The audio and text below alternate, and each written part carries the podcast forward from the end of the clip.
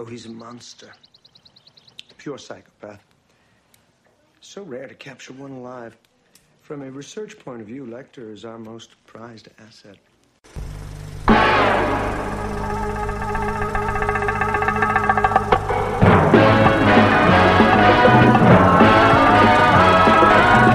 When it comes to entertainment, you can't beat a good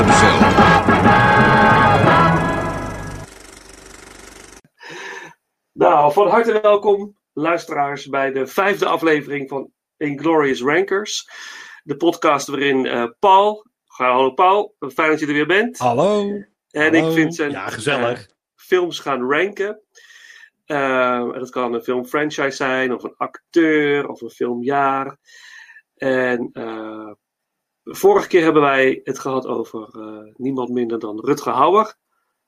We hebben een hele leuke podcast van weten te maken. En we hebben waarachtig ook reacties gekregen op die podcast. Van mensen die hun eigen ranking hebben ingestuurd. En als je het goed vindt, eh, Paul, zou ik daar graag even mee willen starten. Ja, tuurlijk. Ja, dat is hartstikke leuk. Er was één heel eh, leuke reactie van eh, Luc van der Heijden. Die hebben we al eerder genoemd natuurlijk in de Tarantino-podcast. Luc van der Heijden reageert op Instagram. Eh, waarin wij vragen van wat is jouw eh, top 5 of top 10 Rutger Hauer films. Hij reageert, eh, onze zoon is naar hem vernoemd als Floris. En zijn favoriete films zijn Turks Fruit, Grijpstra en de Gier en Blade Runner. En Hobo with a Shotgun. Zeker geen topper, maar in het gen- genre wel eentje die me is bijgebleven. Ja, dat kan ik me wel voorstellen. Dat is een, vrij, onvergetelijke, vrij onvergetelijke film. En via Facebook hebben we ook wat leuke reacties gehad. Die zal ik ook even bijpakken. Eh, Michel van Beek heeft gereageerd. En hij heeft zijn top 10 eh, ingezonden eh, van Rutger Hauer films. Op 10 Wanted, Dead or Alive. Ook wel een leuke jaren 80 eh, classic. Nummer 9 Fatherland. Heb ik nooit gezien. Op nummer 8 Wedlock. Nummer 7 Split Second. Op nummer 6 Pastorale 1943. Ook wel een mooie film. Nummer 5 The Hitcher. Nummer 4 Blade Runner. Nummer 3 Nighthawks. Nummer 2 Turks Fruit. En nummer 1 Soldaat van Oranje.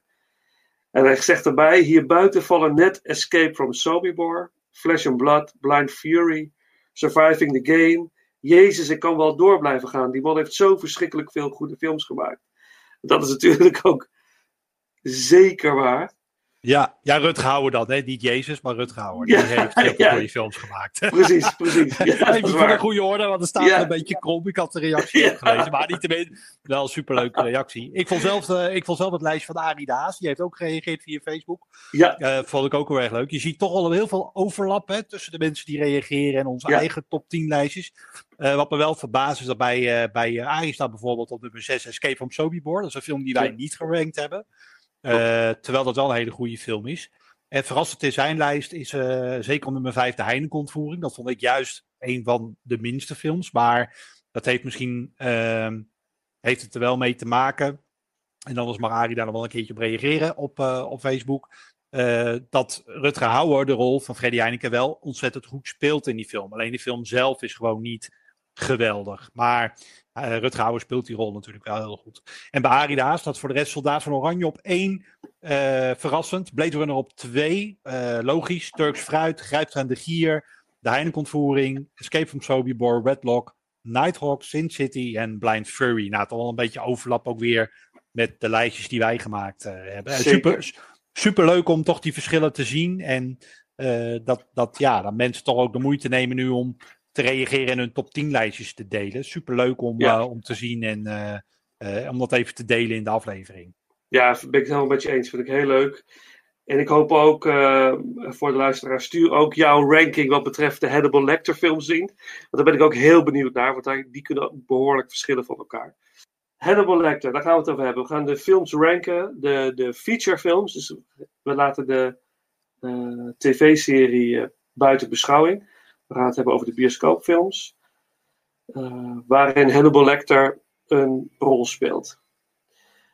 eerst even, wie is Hannibal Lecter? Ja, de gemiddelde luisteraar zal weten wie hij is. Het is een, uh, een seriemoordenaar, een cannibalistische seriemoordenaar. Dus hij is geneigd om uh, de mensen die hij vermoordt ook op te eten en daar ook echt van te genieten. Um, hij maakte echt het topgerechten van. Hij zou geboren zijn in Litouwen tijdens de Tweede Wereldoorlog als kind zwaar getraumatiseerd, waardoor hij is ook een uh, cannibalistische serie moordenaar wordt uiteindelijk. Maar later wordt hij toch een gerenommeerd psychiater, die ook samenwerkt met uh, de FBI. En hij is hoogst intelligent en extreem charismatisch. Maar straks gaan we daar meer over vertellen. Het karakter is bedacht door Thomas Harris. En Thomas Harris is een, uh, is een schrijver. Er zijn uh, vier boeken geschreven waarin Hannibal Lecter een, een, rol speelt. En wat wel leuk is, wat ik heb gehoord, is dat Thomas Harris uh, geïnspireerd raakte om het karakter Lecter te creëren na een bezoek aan een zwaar bewapende gevangenis in Mexico, waar hij als student de opdracht kreeg om een van de gevangenen te interviewen. En dat was in opdracht van het Pulp magazine waar hij voor schreef. Hij schreef daar korte verhalen en essays voor. En de gevangene was een Amerikaanse burger die daar in de dodencel zat, omdat hij een aantal jonge meisjes in Mexico op koelbloedige wijze had uh, vermoord. En uh, een jaar daarvoor had die bewuste gevangene een ontsnappingspoging gedaan door een bewaker om te kopen. En uh, ervoor te zorgen dat hij een pistool zou krijgen en dan zou hij gaan ontsnappen. Maar op het moment dat hij ging ontsnappen, had de bewaker hem al verraden, hem weer neergeschoten. En uiteindelijk is die bewaker er met alle eer van doorgegaan. Van kijk eens, ik heb gezorgd dat deze gevangene niet, uh, niet kon ontsnappen. Maar hij kwam dus op de ziekenafdeling van die gevangenis terecht om te herstellen van zijn uh, schotwond.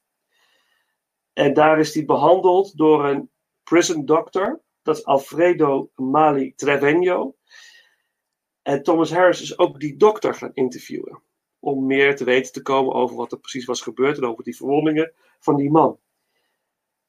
En die arts heeft een onuitwisbare indruk gemaakt op Harris. Hij ging die dokter interviewen in die ziekenboeg.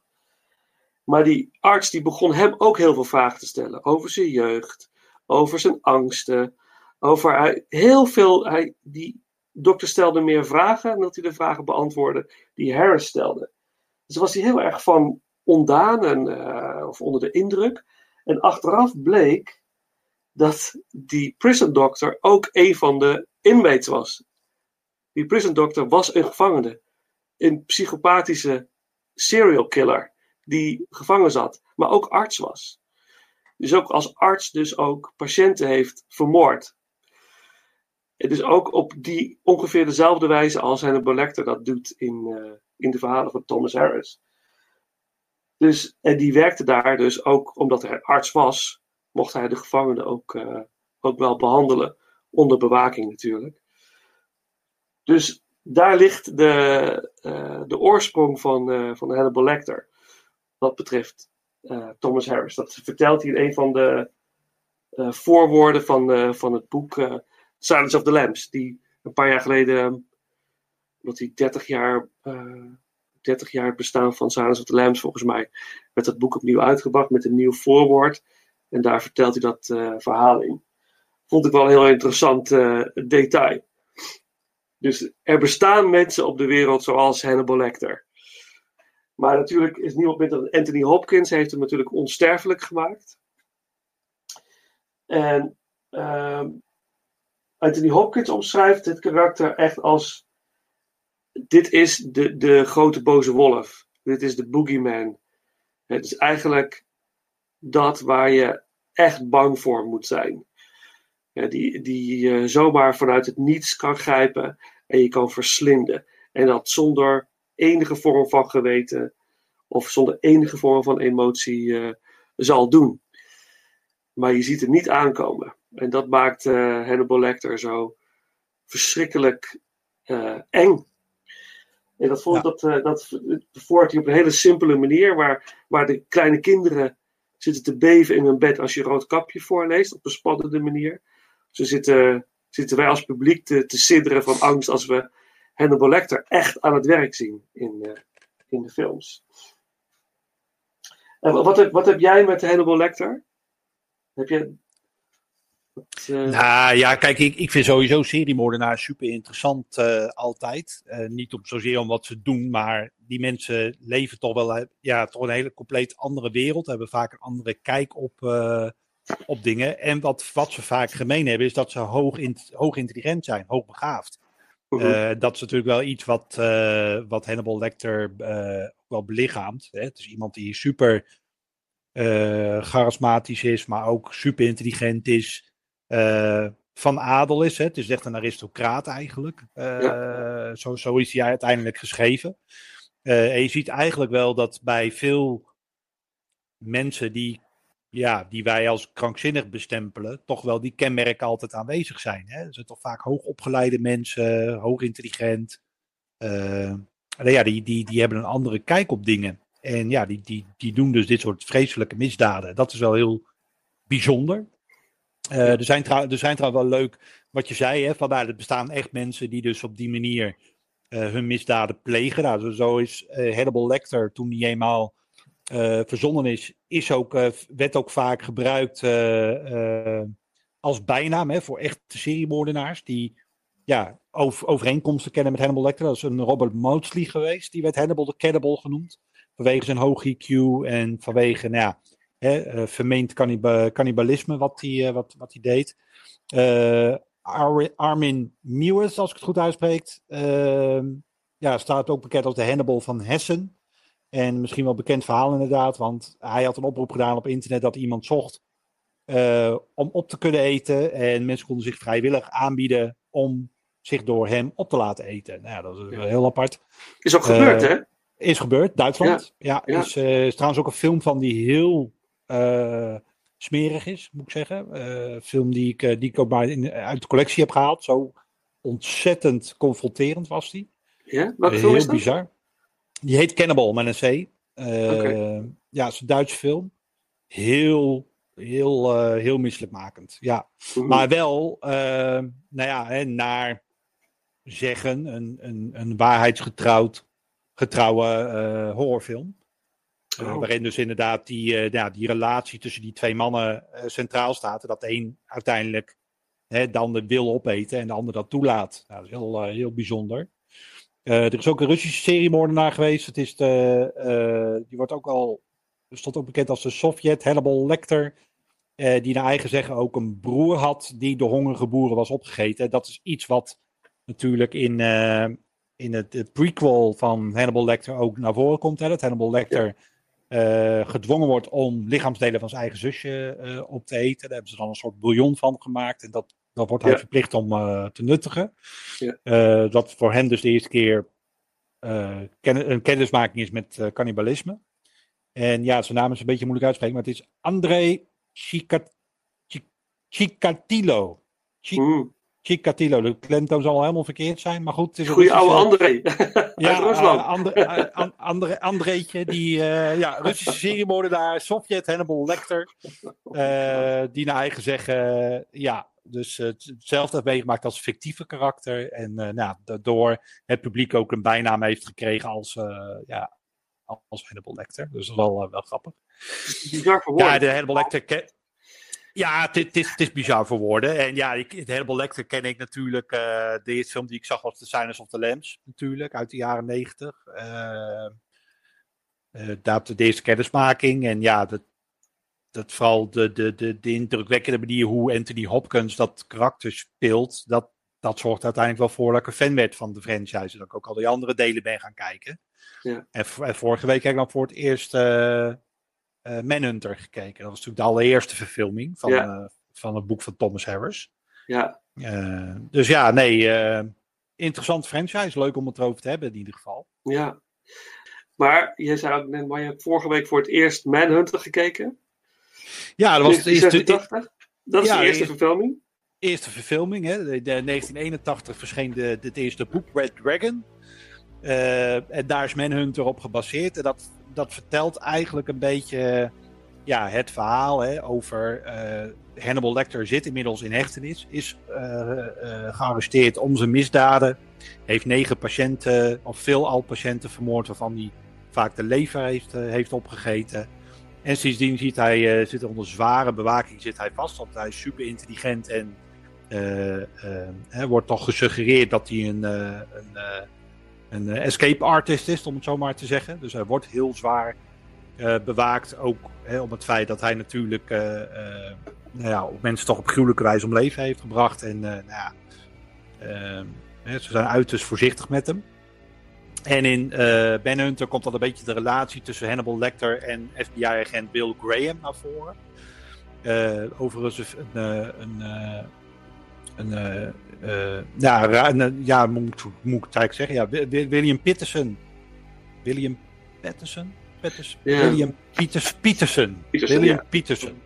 Die speelt, die speelt de rol van FBI-agent Bill Graham. Ehm, ja, ze hebben een verleden en dat zie je dus ook in die film terug. Want uiteindelijk William Peterson krijgt de opdracht uh, als Will Graham om een, uh, om een actieve seriemoordenaar op te sporen. Dat is, uh, die wordt in de, de pers als de Tooth Fairy.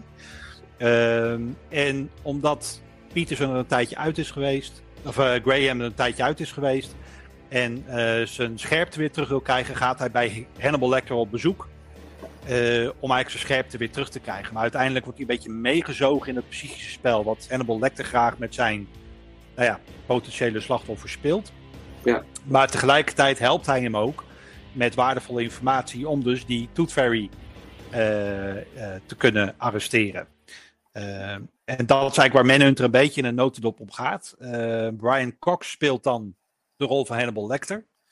Uh, ik, ik weet echt niet dat die man dat ooit gedaan had, dat hij helemaal Lecter heeft gespeeld. ik kon alleen maar Anthony Hopkins. Alleen toen jij zei, ja, Manhunter telt ook mee in de vriend. Manhunter, dat is een film die ik op DVD heb liggen, maar geen idee. Nee. Dus ik heb hem maar opgezet. En uh, ja, het is, uh, ja, het is, het, het, het, het is een oké okay thriller, maar ik snap wel waarom die destijds gigantisch geflopt is. Hij is ook tegenwoordig, gezien, gezien de huidige ontwikkelingen en hè, wat er daarna is verschenen, vind ik ook wel dat het echt wel een gedateerde thriller is eigenlijk. Het is echt wel een jaren tachtig film. Ja, dit, ik, Manhunter is echt de uh, ultieme ethisch film, vind ik. Qua hoe het ja. opgenomen is, qua kleurgebruik, de soundtrack. Het acteerwerk. Het acteer, ja, maar ja. Super, ge, super geforceerde dialogen die... Ja. Uh, ja. Die totaal niet natuurlijk zijn. Ja. Nee, dat klopt. En toch heeft die film een hele grote charme, vind ik. Uh, Manhunter. Vind ik, jij, ik, ik hou erg van. Ik ben een kind van de jaren tachtig. Ik hou erg van ethisch. Dus deze film is echt de ethisch film. Samen met um, uh, To Live and Die in L.A. bijvoorbeeld. Dat is ook een beetje rond die tijd uh, gemaakt. Ook met uh, William Peterson. Yes. Ja, nee, echt ethisch film. Maar uh, uh, ja. ja, wat vond je maar, van, de, van de killer, van, de, van Dol oh, ja, Tom, uh, Tom Noonan speelt hem natuurlijk. Tom Noonan, ja. Ja, en ik ben, ik ben echt een fan van Tom Noonan. Die man heeft echt een hele leuke rollen gespeeld. En is altijd wel ook een apart... Uh, ja, het is gewoon een aparte verschijning. Heeft natuurlijk een hele aparte uitstraling ook. Het is... Uh, ja, maar hij kan alles spelen. Of dat nou... In Heat speelt hij bijvoorbeeld een of andere briljante hacker die... Uh, die zeg maar het, het initiële plan bedenkt, zodat Robert De Niro een bank kan beroven. Hij speelt in Eight-Legged Freaks weer een of andere uh, eigenaar van een Spider-Farm. Ja. ja. oh ja. Hij speelt hier dan weer een seriemoordenaar in. Hij speelt natuurlijk in Last Action Hero, speelt hij natuurlijk de krankzinnige tegenstander van, uh, van Arnold Schwarzenegger. Ja, het is hele aparte vent. En ik, vond het, ik vond hem wel leuk om te zien. Ja, er is een soort stokking om zijn hoofd heen gebonden. Omdat, ja, ja, ja. ik, weet, ik weet niet waarom hij dat gedaan heeft, maar om dan maar een beetje wat, wat indruk te maken op zijn, op zijn slachtoffers. Ja, het. Uh, deed het ook wel heel erg leuk. Het was wel. Uh, ja, hij wil transformeren, hè? Hij wilde transformeren hij, naar, naar ja, de Red Dragon. Wil, ja, hij wil natuurlijk inderdaad hè, tra tra transformatie ondergaan. Ja. Ja, het is. Ja, nee, ja, hij deed het leuk. En het, het, was ook. het was best wel een vermakelijke film. Alleen, ja, als je weet wat erna allemaal nog komt Mhm. waar je eigenlijk ja, in, in theorie mee begonnen bent, ja, dan, dan valt hij wel totaal weg, vind ik. Dat is Ja, wel, ja. eh, ja. Ik denk dat als je de kennis niet van de films daarna hebt en niet, de, de, niet Anthony Hopkins nog hebt gezien als Hannibal Lecter en dan voor het eerst naar Manhunter kijkt en daarna pas naar de rest, dat dan Manhunter heel erg mee kan vallen. Dat je dan denkt van nou, dit is wel een hele goede thriller die gewoon goed in elkaar steekt. Inderdaad, echt die ethisch vibe, Ja. ethisch vibe heeft. Alleen ik denk alleen dat die in vergelijking met de andere films toch wel een beetje eh, ja, uit de toon valt. Dat denk ik wel. Jawel, dat sowieso. Ja, ja. Ik, moet zeggen, ik ben erg gecharmeerd van de film. Eh, maar daar gaan we straks nog, nog verder op natuurlijk. En wat je zegt nog, Michael Mann, die bedoel je natuurlijk Heat. Eh, de regisseur van Heat, Michael Mann, is ook de regisseur van, eh, van Manhunter. Een van zijn eerste films. Eh, dat zie je er ook wel een beetje in terug. Het is wel, heeft wel een beetje zo'n Michael Mann vibe. Ja, ja, die heeft een hele aparte manier van filmen, inderdaad. En Ja. eh, je, je- de- ja, hij heeft een aantal trademarks die je gelijk herkent. Eh, bepaalde camera-angles die hij gebruikt. Het is ook wel een soort altijd, ja, een beetje. Lijkt wel als een soort met, met bepaalde kleurfilters werkt. Hè? Die een soort Ja, ja. over die films heen, eh, heen legt. Het is wel. Ja. Ja, je herkent Michael Mann altijd wel. Dat, Ja. ja, dat zie ook al terug in Manhunter. Ja. ja, ja vooral inderdaad, die kleurfilters zie je, dat zie je heel mooi terug. Het is een hele mooie. Ja, ik hou er erg van hoor. Die, zo'n slaapkamerscène, dat, die is volledig blauw. ja, precies. Ja, dat Alleen maar dus. blauw. Ja. En, en prachtige zonsondergangen, waardoor je beeld helemaal rood-oranje wordt. Ja, ik fantastisch. Daar kan ik echt kippenvel van krijgen. Ja, dat, dat, dat is heel gaaf gedaan. Ja, ja, nee, maar dat is, dat, dat is heel gaaf gedaan, inderdaad. Ja. Ja, Dat, eh, ja. Het is trouwens ook wel een grappig feitje dat eh, Manhunter, want het boek heet natuurlijk Red Dragon, ehm, en de film heet uiteindelijk Manhunter. En het gaat dan wel over de transformatie van de Tooth Fairy naar de Red Dragon. Dat is dan wel weer grappig. Maar de reden waarom die Manhunter heet, is omdat eh, de producent destijds eh, wilde zo ver mogelijk uit de buurt blijven van de naam Dragon. Omdat het jaar eerder kwam de Year of the Dragon uit. En die was Oh gigantisch geflopt. Eh, Hmm. Dus de producent wilde en- ge- geen enkele associatie met het woord Dragon hebben. En toen besloot hij van, nou, dan moeten we hem niet Red Dragon noemen, maar dan noemen we hem Manhunter. Oh, echt?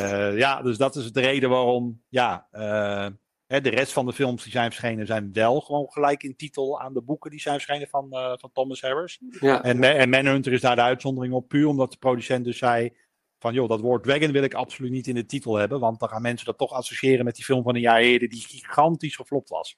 Oh, Dus, dat wist ik eh, niet. Oh, ja, wat grappig. Ja, het is ook wel leuk om uh, Jeetje, ook dat las. ja, Ja. Ik vroeg me wel inderdaad af. Oh, dat nou ook weer. Een mooi weetje. Ja, dat is een leuk, eh, wel een leuk eh, dingetje. Ja, en Oh, daarna, Vijf jaar Zo- later. Ja.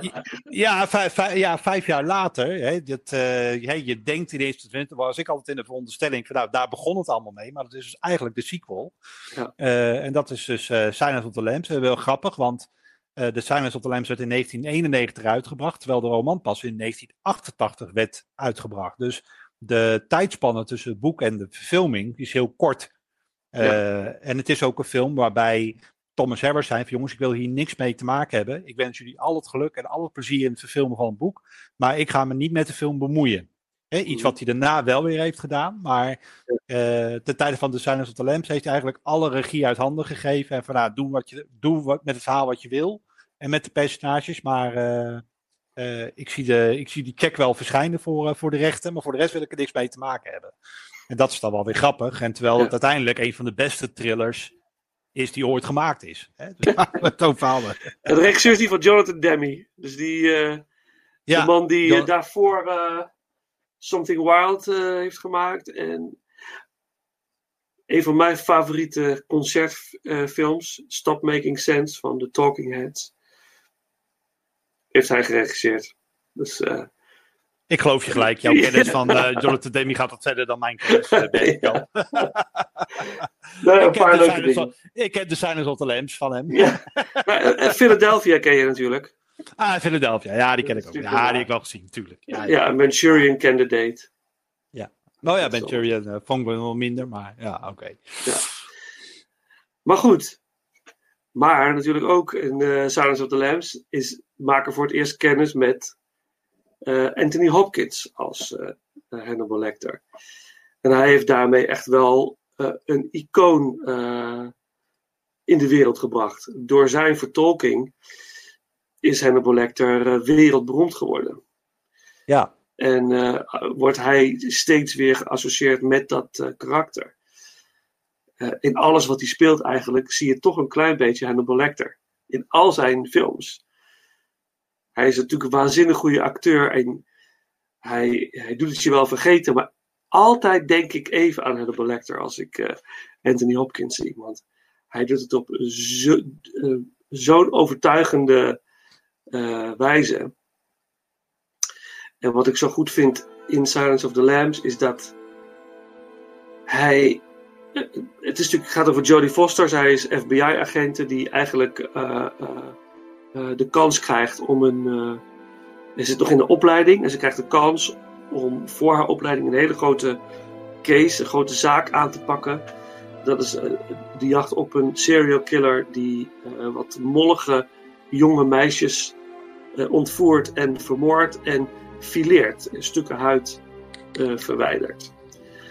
En om meer inzicht te krijgen in de, de gedachtegang van de betreffende serial killer, wordt ze in contact gebracht uh, met uh, Hannibal Lecter, die haar dus zou kunnen helpen om de dader te kunnen vinden. En Hannibal Lecter vindt Clarice, zo heet Jodie Foster in de film, ook wel een zeer interessant karakter.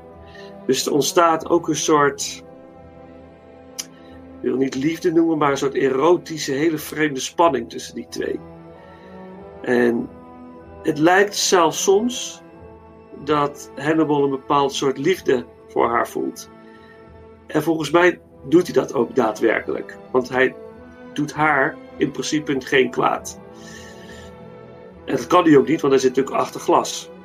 Uh, spoiler alert, we gaan dingen vertellen die, uh, als je hem niet gezien hebt, Silence of the Lambs, nu uitzetten, gaan kijken en terugkeren.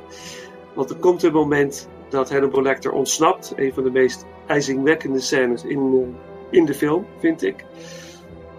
Maar voordat dat gebeurt, heeft hij hele intense conversaties met Clarice. En hij daagt haar ook uit om te duiken in haar verleden. Om te onderzoeken wie zij daadwerkelijk is. Wat ze echt wil. Waar haar, waar haar kracht ligt eigenlijk. Dus hij helpt haar ook op een bepaalde manier. Om daadwerkelijk die uh, volleerde FBI-agenten te worden. Maar hij wil daar wel dingen voor terug. Zo krijg je een heel vreemd kat-en-muisspel tussen die twee. En je krijgt. Hannibal Lecter wordt zeer interessant vertolkt. Is een zeer interessant karakter. En je hebt bijna het idee van ergens heeft hij iets sympathieks. Dus je wordt als kijker ook heel erg in de maling genomen. Want als hij eenmaal ontsnapt, dan zie je wat voor een verschrikkelijk uh, uh, karakter dit eigenlijk is. En waar hij toe in staat is. En dat, ja, zeer schokkend vond ik dat. Uh, hij is eigenlijk de grote demon in, in deze film. En een daadwerkelijke serial killer is ook een freak natuurlijk. Echt een, een, een, een mafketen van het zuiverste water. Maar Hannibal Lecter uh, spant, spant de kroon, moet ik zeggen. Ja, ja dat is de, wat je zegt, die, die, die, die andere seriemoordenaar, die actieve seriemoordenaar die ze dus proberen te vangen is Buffalo Bill. Tenminste, dat ja. is een bijnaam in de, in de, pers. Omdat hij dus de meisjes vilt inderdaad. En ja, briljante rol van, van Ted Levine natuurlijk. Hè? Die, die echt wel ook weer boven zichzelf uitstijgt om zo'n rol te spelen. Hele, ja, apart, hele aparte kerel. Uh, heeft ook, heb ik gelezen, heeft heel veel dingetjes geïmproviseerd in, uh, in, uh, in zijn rol. Dat vind ik dan wel knap. Hè? Hij is er ook helemaal verdiept in hè, psychologische profielen van seriemoordenaars. En met interviews gehad met mensen die daarmee be bij betrokken zijn geweest. Om zich maar in te kunnen leven in de rol van, een, van, van zo'n psychopaat. Dat is natuurlijk super uh, ja, benoemenswaardig als je je zo, uh, je zo kunt opofferen voor een rol. Hè, dat je er zoveel tijd en energie in stopt. Zal natuurlijk ook een goede salarisstrook aan over hebben gehouden, maar niettemin, uh, je moet het toch maar even doen. En dat vind ik ja. dat wel weer knap. En ja, het is, het is ook een, een hele memorabele rol van hem natuurlijk, ja, die hij, hij speelt. Absoluut. Wat, wat trouwens ook wel, wel leuk is, leuk feitje als de Silence of the Lambs, is dat op de deur de eerste kennismaking tussen Hannibal Lecter en uh, Clarice Starling. Uh, dan uh, Anthony Hopkins maakt uiteindelijk na een kennismaking van vijf minuten een soort psychologisch profiel van haar. Hè? Van je loopt met een dure tas, maar je loopt op goedkope schoenen. Volgens mij ben je gewoon een boerenkinkel. Eh, je probeert je accent enorm te verbergen, wat, eh, wat eh, puur West Virginia is. En dat is dan wel weer grappig, want Jodie Foster heeft natuurlijk een accent van dezelf. Ehm, en Anthony Hopkins heeft dus die opmerking over haar accent geïmproviseerd. Stond niet in het script. Ah, En Jodie Foster was echt beledigd. Ze dacht van, yo gast, what the fuck, wat doe je me nou aan? Ja. Ze, vond, ze vond het echt een persoonlijke aanval. Daar was Ja. ze echt niet blij mee. Tot ze het resultaat van de scène zag en, die, re- en haar reactie, die dus echt authentiek is. Echt die, dat verdriet wat op dat moment in haar ogen slaat van, joh, wat, wat, wat zeg je nou tegen me? Dat is natuurlijk, uiteindelijk heeft dat de eindproductie gehaald. Eh, dat resultaat vond ze zo fantastisch dat ze uiteindelijk wel bedankt heeft voor dat hij het zo gedaan heeft. Dus dat is Ja, mooi. grappig. Ja, Wat ik, wat ik ook hoorde in de, in de interview met Jodie Foster is dat zij nooit te- op de set, tot het, een van de laatste draaidagen, heeft ze dus niet durven spreken met Anthony Hopkins. Gewoon klopt als, ja. ja. dat, dat, vond ik wel interessant. En dat, Ja. dat, dat ze echt bang was voor hem. En wat was Anthony Hop- de dood voor hem, ja. ja, en pas later pas eh, dat heeft eh, uitgesproken naar hem. En dat Anthony Hopkins in een interview ook eh, ergens zegt van als hij gaat acteren, hij zegt heel veel acteurs, zoals een De Niro en een Pacino, die duiken in zo'n karakter en die gaan er helemaal in. En die ook eh, los van als de camera draait, moeten ze als karakter worden aangesproken. Ze blijven in character tijdens het eten. Dan zegt hij, dat doe ik niet. Het is allemaal bullshit. Zegt hij, doe- ik, ik ga draaien en dan transformeer ik. En dat schijnt dus ook verschrikkelijk eng te zijn geweest. Dat hij, hij is zo'n briljante acteur. Hij kan gewoon die knop omzetten. En boef, hij is, hij is het.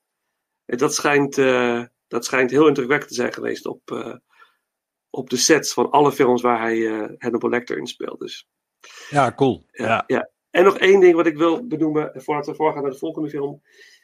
Tenzij jij nog wat hebt natuurlijk, is eh, de fantastische scène waarin Ted Levine inderdaad eh, laat zien dat wat hij wil worden. Hè? Dat hij eigenlijk, eh, een soort van, eigenlijk soort van zijn moeder bij zich wil.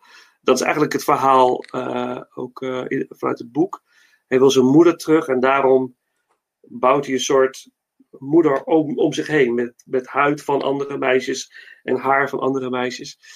En er zit een scène in dat hij dat echt even laat zien. Dat hij in zijn ochtendjas staat en zijn penis tussen zijn benen duwt en echt een vrouw wordt. En dan hoor je dat nummer eh, Goodbye Horses van Q Lazarus. Nou, dat, dat, als je dat nummer hoort, dan ga je gelijk naar die scène. En dan voel je gelijk die, die rillingen over je lijf van Jezus. Zit een meisje te gillen in een hele diepe put in zijn huis. En ondertussen werkt hij aan zijn, aan zijn masterplan. Ja, fenomenaal. Ja, absoluut. Ja. is wel echt een van de, ja, van de meest iconische scènes uit de film.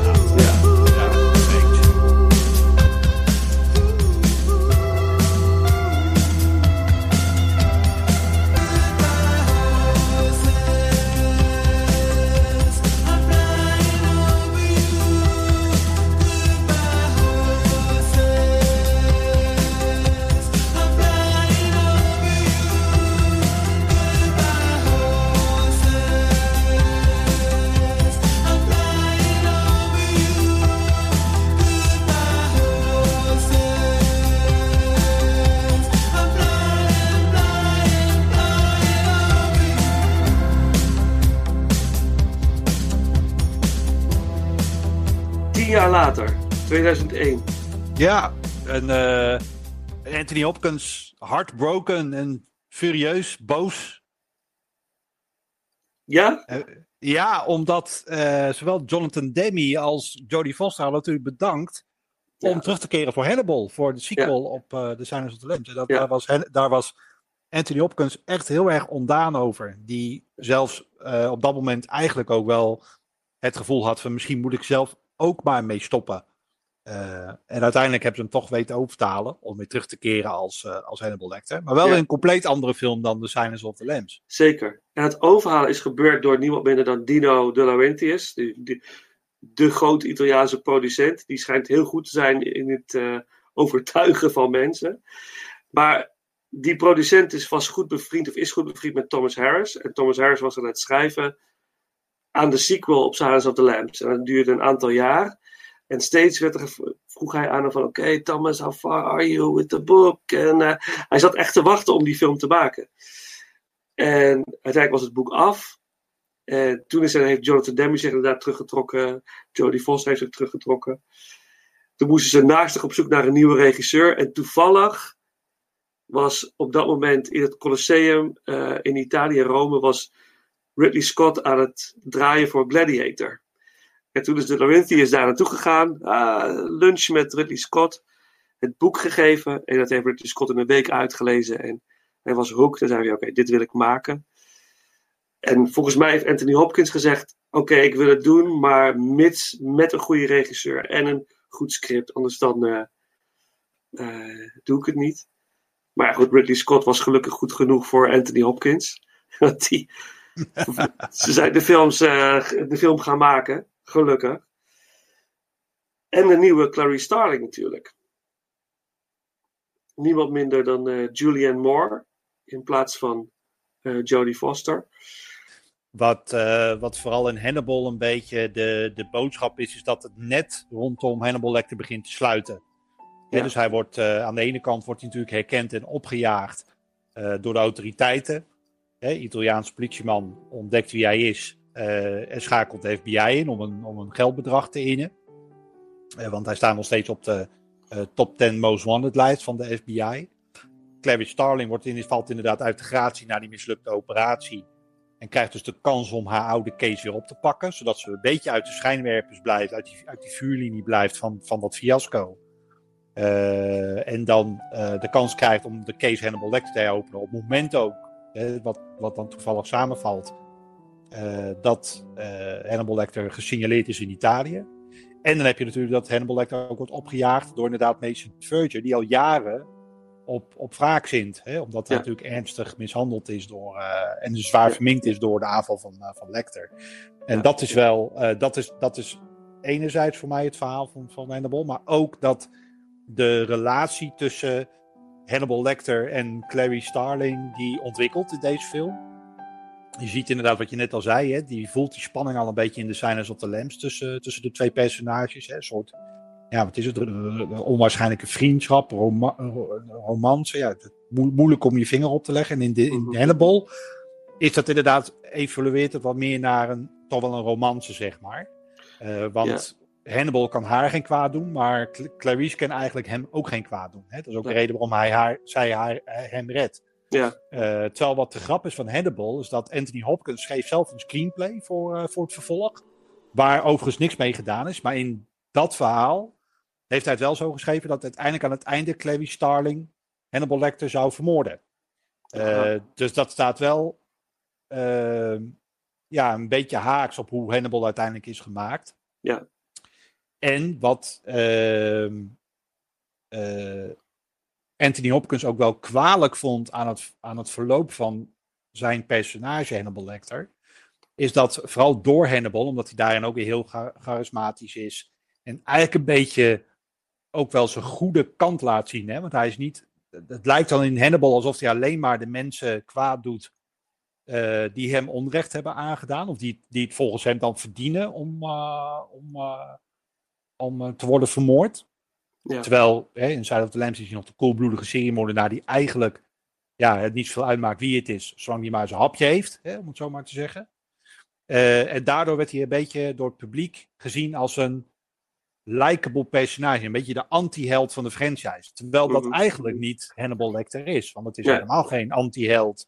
Of iemand waar je... Uh, je kan hem hoogstens misschien fascinerend noemen. Maar likable of uh, een anti-held is het natuurlijk niet. En zo werd ja. hij wel een beetje in Hannibal neergezet. Ja, ja, ja, ja, ja misschien. Ja, ik, ik, ik zag hem ook... Wat je zegt, die, die relatie tussen die twee... Ik, ik vond het, uh, zo komt het op mij over, alsof Hannibal echt geobsedeerd is door Clarice, echt een obsessie is. Hij daagt haar ook echt uit in de film, vind ik. Hij speelt een spel met haar. Dus zo zag ik het de hele tijd. En dat Clarice eigenlijk een soort verwarrende staat is de hele tijd. Van moet, wat moet ik hier nou mee? Moet ik... Snap je? Dus inderdaad, um, wel een soort niet genegenheid, maar een soort respect toch voor hem hebben. Dat, hij van, dat ze hem niet laat vermoorden. Maar uh, als hij aan het einde van Hannibal toch vlucht, gaat ze hem toch achtervolgen met, met pistool. Volgens mij met de intentie om hem toch eh, neer te schieten en uit te leveren en weer te laten opsluiten. Dus dat. Ja, nou, ik vond Hannibal wel een hele fascinerende film, moet ik zeggen. Ja, ik ook. Het, eh, Absoluut. Ja, echt heel. eh, en sowieso ontzettend mooi gefilmd. Ze vind ik sowieso alle Ridley Scott films zijn buitengewoon mooi. eh, mooi qua eh, camerawerk en kleurgebruik. Er zitten een aantal onvergetelijk mooie scènes in. Ik vind de, de, de scène dat ze in het, in het theater zitten, in die, in die tuin, met die, dat- de opera-scène. Ja, als ik dat zie, dan denk ik van, nou, dat, ik wil dat ook. Ik wil dat ook ervaren. Daar zitten en die, in die entourage en dat, eh, dat meemaken. Eh, ik vond de muziek fantastisch van Hans Zimmer. Ja, ik, vond, deze film echt bijzonder goed. Ik was heel erg verrast. Hij is iets lichtvoetiger misschien dan Silence of the Lambs. Die, Silence of the Lambs is iets, iets beklemmender. Er zit ook veel humor in Hannibal. Eh, lugubere humor, dan wel te verstaan. Ja. Maar, eh, maar wel humor. En ik vind het wel de film eh, van Anthony Hopkins, waar hij echt, eh, echt laat zien wat hij kan. Ja. Dus het, ja, heel interessante Ja, film. Het, het zou uiteindelijk zijn laatste rol zijn als Hannibal Lecter. Hij wilde ermee stoppen. Hij Ja. was natuurlijk al heel erg eh, aan het twijfelen of hij wel moest terugkeren nadat Jonathan Demme en eh Jodie Foster hadden besloten om niet terug te keren voor Hannibal. En hij is toch nog uiteindelijk, een jaar na Hannibal, kwam eh, Red Dragon uit. Nou, daar hebben we het Ja. al een klein beetje over gehad. Maar Red Dragon is dan wel eh, een film die eh, de gelijke titel heeft als het boek. En het is eigenlijk de remake van Manhunter. Ja. Ehm, en dus een soort, ja, eigenlijk wel de prequel op The Silence of the Lambs. Zo is hij uiteindelijk wel, wel uitgebracht. En Anthony Hopkins wilde alleen maar terugkeren om nog eenmaal Hannibal Lecter neer te zetten als de krankzinnige psychopaat dat hij eigenlijk is. Niet de anti-held, niet de charismatische psychiater met een mean streak of met de menselijke kant, maar echt de brute psychopaat die eigenlijk eh, zijn lol haalt uit het vernederen van mensen, het spelen van psychi- psychische spelletjes met mensen, het opeten van mensen. Dat wilde die met Red Dragon bereiken. Ja. Eh, ik denk dat het daar ook wel gedeeltelijk is in geslaagd, omdat ik toch wel vind dat Hannibal Lecter iets meer een achtergrondpersonage is in Red Dragon. Het gaat uiteindelijk toch wel een beetje meer om de jacht op de Tooth Fairy. Ook weer in Ja. deze film, eh, dus de actieve seriemoordenaar. Ja. Ehm, deze keer gespeeld door eh, Ralph, Ralph. Ja. Ehm, en voor Will Graham werd uiteindelijk best wel een zwaargewicht aangetrokken. Edward Norton, die speelt dan de rol van, eh, van de FBI-agent. Die uiteindelijk dus weer in contact treedt met Lecter om ja, hè, zijn edge terug te vinden, informatie te vergaren en een psychisch, psychisch profiel te kunnen maken van, eh, van die seriemoordenaar. Ja. En ja, ik vind toch dat deze film, de remake, meer in de stijl van The Silence of the Lambs en Hannibal ligt. Hè, dus eh, de, de moderne versie geniet dan ook zeker wel mijn voorkeur ten opzichte van Manhunter, die dan toch alweer, ja, zeker voor anno 2020, echt al gedateerd is. Absoluut. Eh, En in de, lijn, in de lijn past hij zeker. Ja, beter. Ja, In, eh, dat, dat ongetwijfeld. Dat is overduidelijk. Wat wel eh, in Red Dragons hebben dingen toegevoegd hè, om de rol van eh, Anthony Hopkins toch iets groter te maken. Ja, klopt inderdaad. ja. Volgens mij zit dat, wordt dat verteld in Silence of the Lambs, volgens mij. Dat hij inderdaad eh, een eh, lid van een orkest, een fluitist. Was het de fluitist? Volgens mij is het de fluitist. Ja, Benjamin. Raspel. Be- ja, Benjamin Raspel, die inderdaad, in Silence of the Lambs wordt dat verteld. Die wordt vermoord en vervolgens aan het hele orkestbestuur eh, gevoerd eigenlijk. Want Hannibal Lecter heeft een mooi, lekker diner gemaakt. Hij heeft de fluitist op het leven gebracht. En vervolgens heeft hij, heeft hij het lichaam verwerkt in een eh, overheerlijke maaltijd. Het, eh, het bestuur, terwijl ze het hebben over de, de fluitist die vermist is, zijn ze hem aan het opeten. Een heel lugubere scène, maar die is toegevoegd. Die is toegevoegd, die eh, stond niet in, het, in het boek Red Dragon. Maar ik vind het wel een hele leuke toevoeging. Ik moet zeggen dat ik dat toen ik het voor het eerst had, dat vond ik wel heel tof. Er Het, de het, het zet ook wel gelijk de toon hè, voor Ja. wie Hannibal Lecter is. Het was natuurlijk Absoluut. Anthony Hopkins een grote wens om hè, Hannibal neer te zetten als echte psychopaat dat hij is. Dus dat past wel helemaal in de stijl van hoe Anthony Hopkins uiteindelijk wilde terugkeren als Hannibal Lecter. Absoluut, ja. En de scènes met hem zijn ook echt de scènes die eruit springen, vind ik, in Red Dragon. Het is, uh, die, ja, dat zijn de scènes die blijven hangen.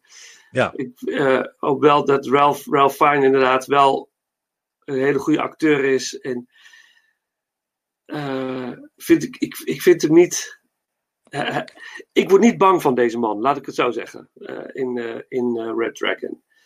Hij beangstigt me niet of zo. Het is ook misschien omdat er heel veel wordt ver, doorge, verteld over zijn, over zijn jeugd. Wat hij heeft meegemaakt, waarom hij dit doet.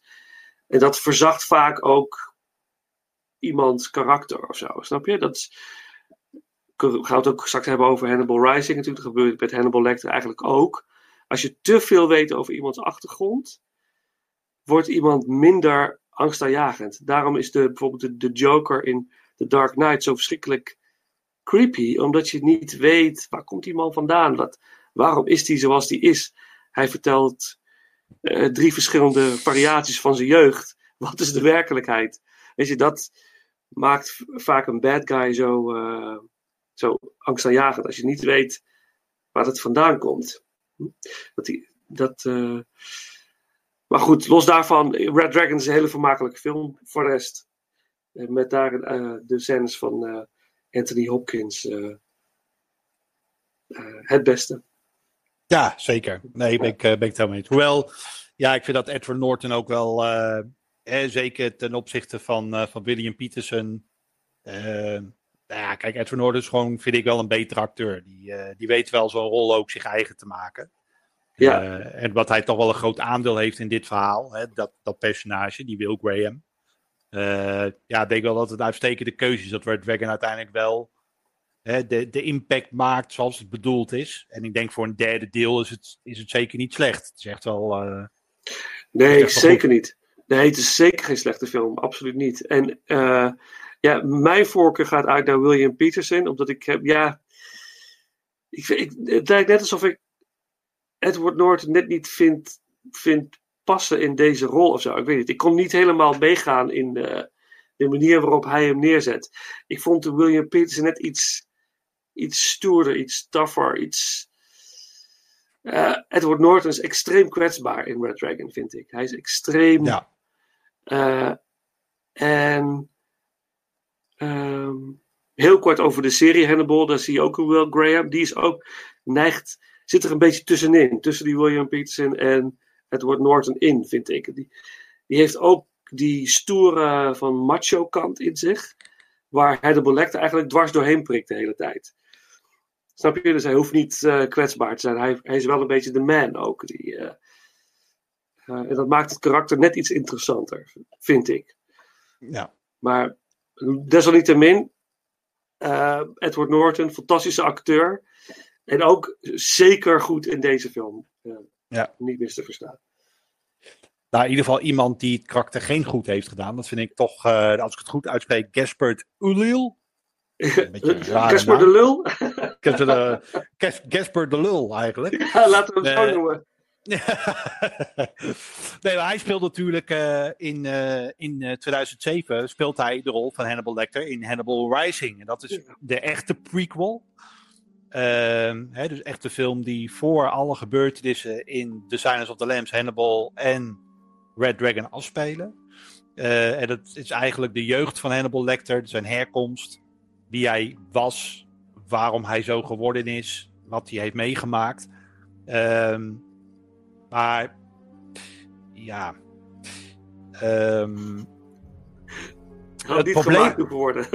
het probleem, nou ja, dat, dat, nou ja, daar neigt het wel naartoe. Nou, wat het een beetje het probleem is, en dat, dat is wel een leuk achtergrondfeitje, uh, is dat, uh, dat uh, Thomas Harris werd min of meer gedwongen door diezelfde producent waar we net over hadden, om maar die prequel te schrijven. Ehm, uh, want hij had hem dus bedreigd van, joh, als jij hem niet gaat schrijven, dan vind ik wel iemand anders die het doet. En dat wilde Thomas Harris absoluut niet, want is, Hannibal Lecter is natuurlijk zijn kindje.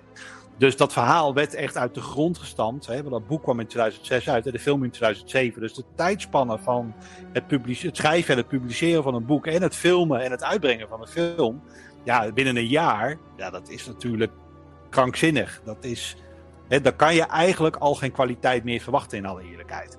Nou, als je dat in het achterhoofd neemt, is Hannibal Rising geen slechte film. Maar hij is zo ontzettend traag. Uh, het is meer een drama dan een horror thriller, vind ik zelf. Er komen natuurlijk hele lugubere dingen in voor. Uh, maar het gaat echt over Hannibal Lecter als kind ziet voor zijn ogen zijn ouders vermoord worden. Uh, omdat ze natuurlijk in de oorlogstijd leven. en dan, als ik me niet vergis, zijn het Russische soldaten die uiteindelijk op, dat, op hun landgoed terechtkomen. En hun ouders worden in de crossfire tussen de Russen en nou, de Duitsers zullen het dan geweest zijn er komen zij terecht, worden vermoord. Die, het zijn uh, verraders. Het zijn verraders. verraders inderdaad. Ja. maar die, die ouders komen geval in een crossfire terecht en, en, en overlijden gewoon uh, voor de ogen van Hannibal en zijn jongere zusje. En dan uh, wat later ziet hij dus hoe die soldaten zijn jongere zusje vermoorden en uiteindelijk opeten. En, en biljoen, biljoen van trekken. Ja. En dat voeren ze weer in Hannibal. En dat is zijn eerste kennismaking met uh, cannibalisme. En je ziet dan eigenlijk op, op, latere leeftijd, als Hannibal wat ouder is, en in het begin van, de jaren, van zijn jaren twintig, dan, dan gaat hij toch de medische kant uit. Hè. Hij, wordt een, uh, hij, wordt een, uh, hij, wordt een, hij wordt uiteindelijk een psychiater natuurlijk. Maar volgens mij in Hannibal Rising, ja, ik heb hem zaterdag nog gezien, maar ik ben hem heel veel alweer vergeten. Zoveel impact heeft de film gemaakt. Maar volgens mij gaat hij eerst als een soort uh, triagechirurg gaat eerst in een ziekenhuis aan de slag, geloof ik. Hij wordt in ieder geval, hij, hij gaat de medische wereld in. Ja. ja en, uiteindelijk, en uiteindelijk, uh, uh, nou ja, hè, zint hij op wraak en gaat hij ook wraak nemen op de mensen die hem onrecht hebben aangedaan. En dat is eigenlijk ja, ja. Hè, in grote lijnen waar Hannibal Rising over gaat, tot het moment dat hij natuurlijk hè, het, zijn geboorteland ontvlucht. En uiteindelijk in de Verenigde Staten opduikt als, als die psychiater zoals we hem kennen. Ja. Uh, en wat, uh, ja, wat een beetje jammer is aan, aan het verloop van het verhaal is dat ehm, als je dan kijkt naar de Hannibal Rising, dan schijnt Hannibal Lecter echt een killing spree achter zijn naam te hebben. Terwijl uiteindelijk in Silence of the Lambs en, en Hannibal wordt gesuggereerd dat hij negen patiënten heeft vermoord en niet meer. Maar in deze film, uh, nou ja, dat, dat, gaat, hij er iets stevig, gaat er iets steviger aan toe. Ja. Uh, maar ja, ik vond het geen overtuigende film. Uh, en ook ja, die hoofdrolspeler, ja, het, het, is gewoon. Je ziet gewoon geen Hannibal Lecter hè, uh, als, je hem, uh, als je hem ziet. Het zou, zou elke willekeurig iemand anders met wraakgevoelens kunnen zijn die dat doet. En niet zozeer Hannibal Lecter. Dus dat vond ik een groot manco aan, aan Hannibal Rising. Dus veel, ja, vind ik een overbodig deel in, in, de, in de reeks eigenlijk. Ja, nou, ik ben het helemaal 100% met je eens wat dat betreft in het boek Hannibal, uh, daar zit een kort fragment in dat je al een beetje leest over de jeugd van Hannibal. Dat zit in het boek Hannibal. Uh, dan lees je, en toen ik dat las, dacht ik, oh ja, dat is op zich al fascinerend. Maar het is een heel klein stukje. Maar het is al genoeg. Meer hoeven we niet te weten. We weten, oké, hij heeft dat meegemaakt met zijn zusje. Dat staat in het boek, met Misha. Hij heeft, zij is opgegeten. Hij is gedwongen om dat te doen. Dat is enough. Weet je, dat, alles daaromheen. Het is niet nodig. Want dat, dat stukje destijds. Uh, nu zou ik, mis ik het niet meer. Maar destijds miste ik dat toen ik het in de bioscoop zag. Hannibal. Ik dacht, hé, waar is dat stukje over zijn jeugd? Dat was net zo interessant. Dat boek dat past wel. Maar achteraf begrijp ik ook wel waarom ze het hebben weggelaten. Want het maakte enger als je het niet weet. Uh, en uh, ja, dat is, deze film is compleet overbodig. En ik vond de acteur verschrikkelijk irritant. Gewoon met de manier waarop hij gaat kijken. Weet je, hij, gaat dan proberen uh, zo te, te staren als Anthony Hopkins dat doet. te, te, te spreken zoals Anthony Hopkins doet, maar het werkt niet. Het, het is niet, daar totaal niet overtuigend. Dus ja, nee, hoewel de film er wel heel mooi uitziet qua camerawerk, qua kleurgebruik weer. Heel mooi. Ik vond ook de, de tegenspeelster, de Japanse dame, uh, Lee Gong.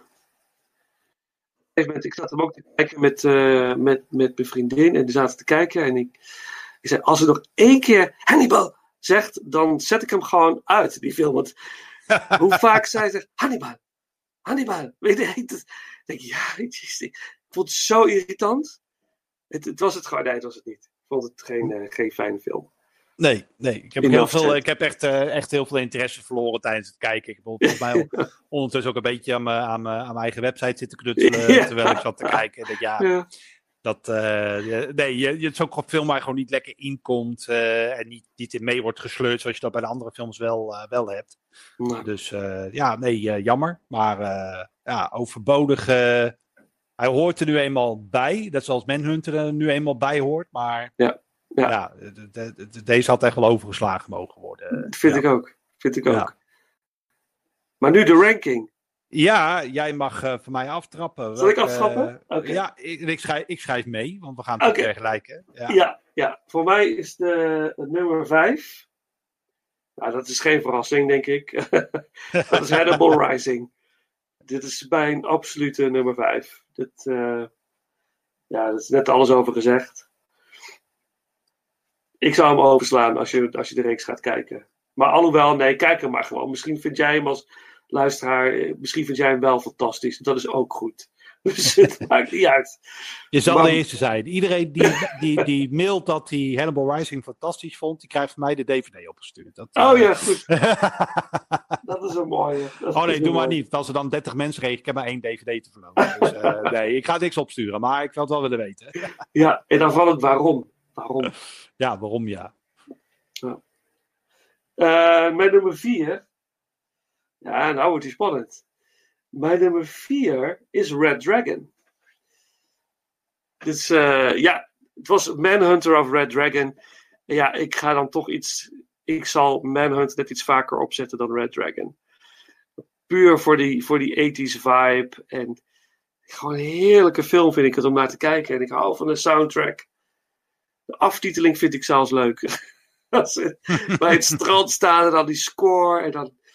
Nee, dus, eh, voor, maar eh, tien keer beter dan eh, Hannibal Rising hoor. Red Dragon, ook zeker de moeite waard. Goede acteerprestaties, gewoon kijken. Ook is het maar om inderdaad de lugubere kant van Hannibal Lecter weer, weer te kunnen zien. Dus mijn nummer vier, Red Dragon. Mijn nummer drie, Manhunter. Redenen heb ik al genoemd. Dan nu, nummer 2, nummer 1. Ik ben benieuwd wat, daarin verschilt tussen ons. Mijn nummer 2 is Silence of the Lambs. Het eh, fantastische film. Ik kan een keer op keer op keer op keer kijken. Ik hou van de film. Maar er zitten een aantal scènes in die ik gewoon minder vind. En de meest verschrikkelijke scène, wil ik toch even benoemen, is aan het einde van de film. Hannibal Lecter is ontsnapt. Hij is in de Caribbean op, op, eh, op pad om eh, Dr. Chilton, eh, de arts waarbij hij vastzat, die hem heeft gekweld om niet te gaan vermoorden. I'm having a friend for dinner, zegt hij dan ook zo mooi aan de telefoon. Hij belt Clarice nog even, zij krijgt haar diploma of haar badge. En oké, hij heeft een gesprek met haar aan de telefoon. Zij is in shock dat ze Hannibal Lecter spreekt. Dan zie je dat Hannibal Lecter de telefoon ophangt. En dan staat zeker nog een seconde of twintig, staat Jodie Foster in de camera te staren. En zegt ze, Dr. Lecter. Dr. Lecter. Dr. Lecter. Dat zegt, en dan kon ik, dan heb ik die hele film zo zitten genieten. En dan dacht ik van, nee, dit niet. Ik, krijg, ik kan er niet tegen. En ik begrijp, je zit in een soort shock. Ik, ik begrijp ergens de keuze wel, maar ik, ik, kijk, zeg maar, hij heeft de telefoon opgehangen. Ik, weet je, het, het zegt dan niks. Dan had ik, had ik fijner gevonden. Be- Bijvoorbeeld. Het is een irritatiepuntje en, en die film. En eh, Jodie Foster en alles. Maar nummer 2, Silence of the Lambs, eh, wat automatisch mijn nummer 1 maakt. En ook mijn nummer 1 van het jaar 2001 is de film Hannibal. Ik ben eh, drie keer in één weekend teruggegaan om die film weer te zien in de bios. Ik vind eh, de, de, het deel in Italië vind ik zo fantastisch mooi. Ik weet niet. Ik, hou, ik hou van die film. Ik, vind, ik hou van de sfeer. Van, van, ik hou van Julian Moore als Clarice. Ja, ik, ik vind deze film echt geweldig. Dus Hannibal is mijn nummer 1. Ja, mooi, uh, mooi lijstje. Nou, Toch? Ik denk, ik, ja, we hebben niet, uh, we, hebben, we hebben één overeenkomst. Ah, is interessant. Nummer 5, Ja. denk ik.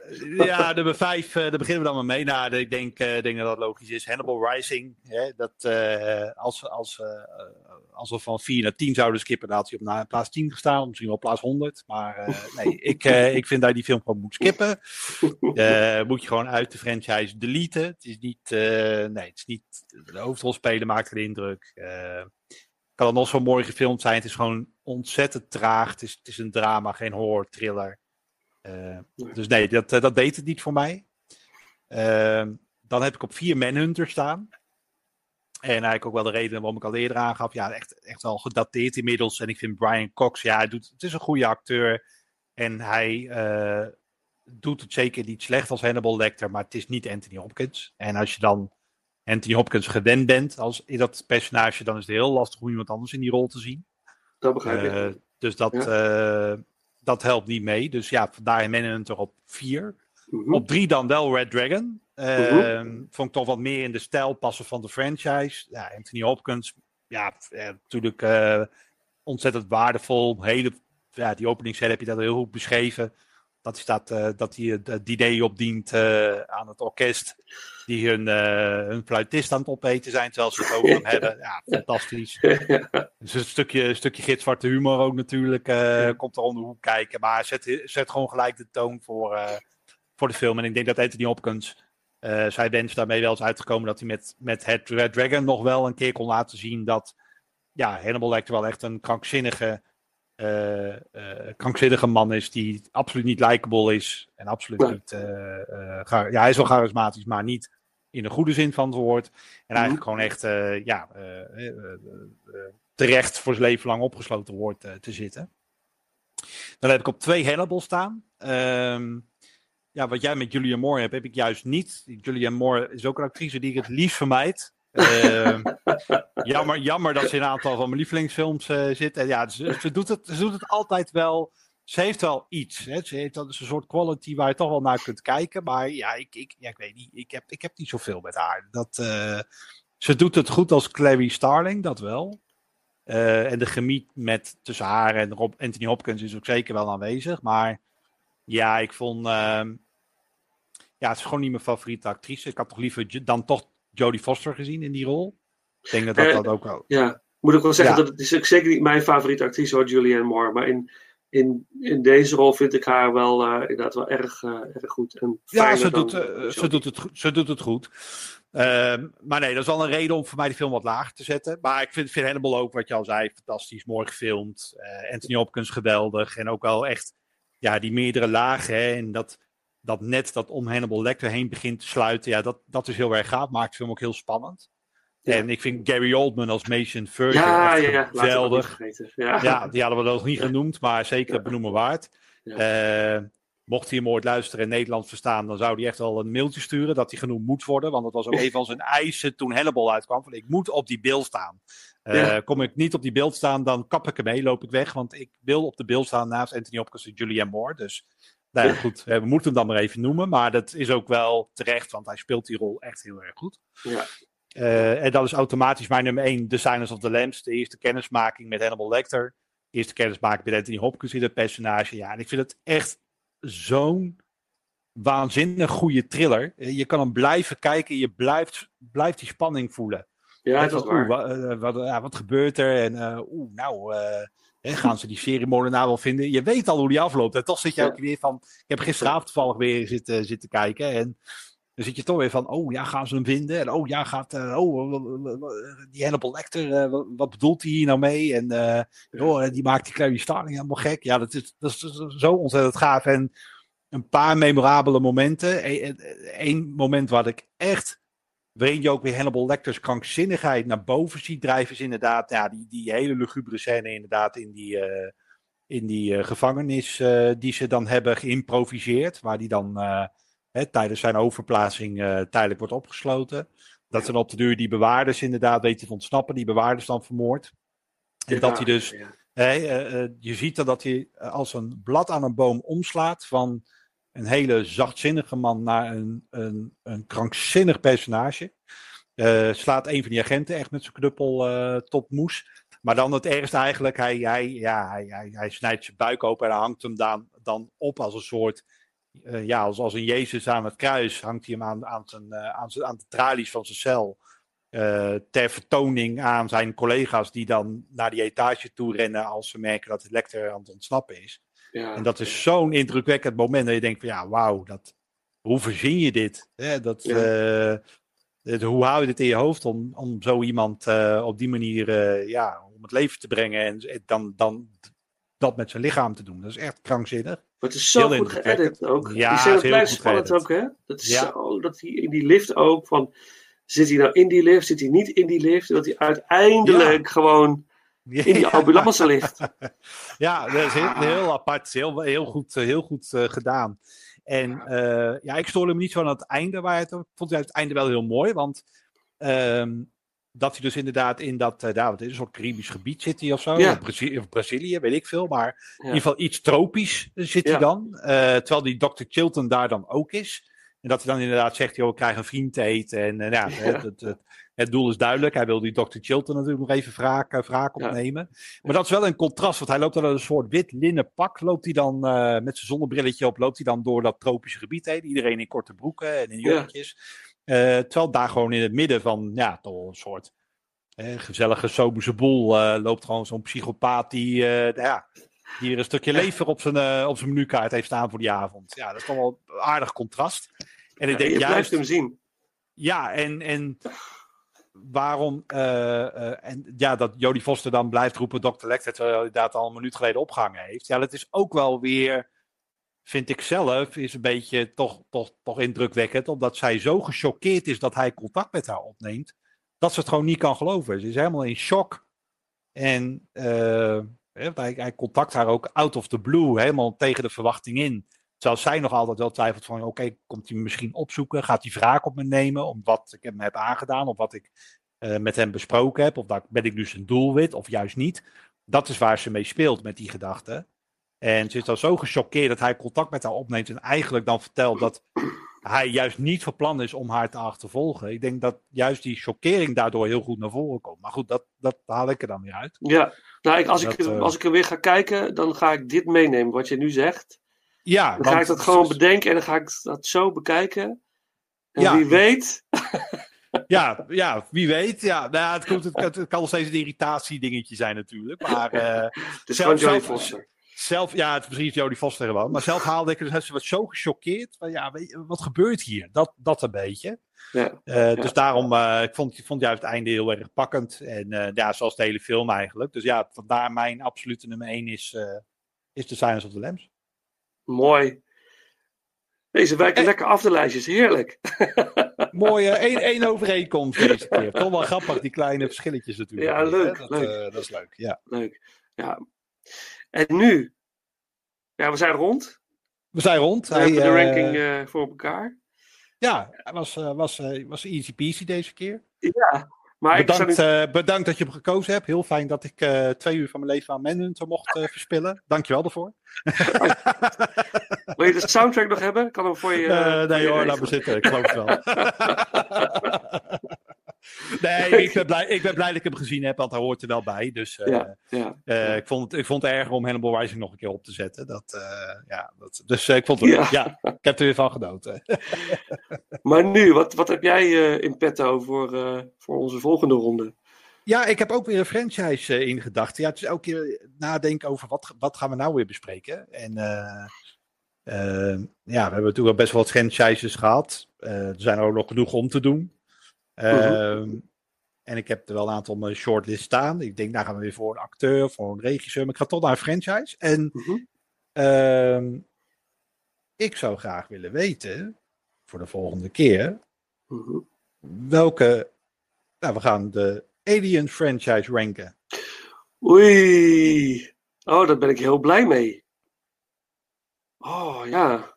En dan heb Oh. ik het over de, de, de, de vier films: Alien, Aliens, Alien 3 en Alien Resurrection. En uiteraard pakken we dan ook mee Prometheus en Alien Covenant, de prequels. Ja, En we slaan wel de spin-offs over. Dus. Alien versus Predator, mhm. die nemen we niet mee in dit, eh, dit geheel. Dus Ja, we, we hebben ja. dan we hebben het over zes films. die Zes films, eh, ja. bespreken. Ik. Ja. Leuk. Omdat ik Alien vs. Predator vind ik niet helemaal bij de Alien franchise horen. Het staat een beetje los van het, eh, van het geheel. Ondanks wat Mhm. overeenkomsten te zijn. Maar dat zijn wel echt twee losstaande films, eh, vind ik. En je kan ze, zou ze dan zowel bij Alien als bij Predator kunnen, kunnen samenvoegen. Dus laten we die gewoon helemaal los ervan zien. En laten we het echt over de Alien saga hebben. En dat, Ja, zijn, goed, eh, goed. dat zijn deze zes films. Gaaf. Ja, Ja, te gek. Heel leuk om weer eh, te rewatchen deze films. ja. Ik heb ze toevallig net allemaal gerewatcht. Dus voor mij is het deze ja. keer.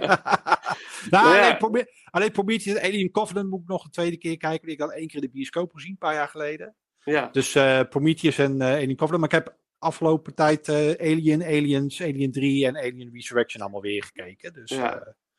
ja, de eerste twee kan ik dromen. Ja ik deel ook. 3 en Dat, eh, deel drie vaak ook is wel redelijk hoor. Maar 4 en Prometheus en Covenant moet ik zeker nog gaan. eh, en die andere voor mijn plezier gewoon weer rewatchen. Is- Ja, het zijn gewoon, het zijn gewoon hele leuke, leuke Ja. films. Dus, eh, ja, ja, leuk. Maar ook, ook interessant omdat ze zo verschillend van elkaar zijn. Dus daar ben ik Ja. ook wel een beetje benieuwd naar, eh, naar de ranking.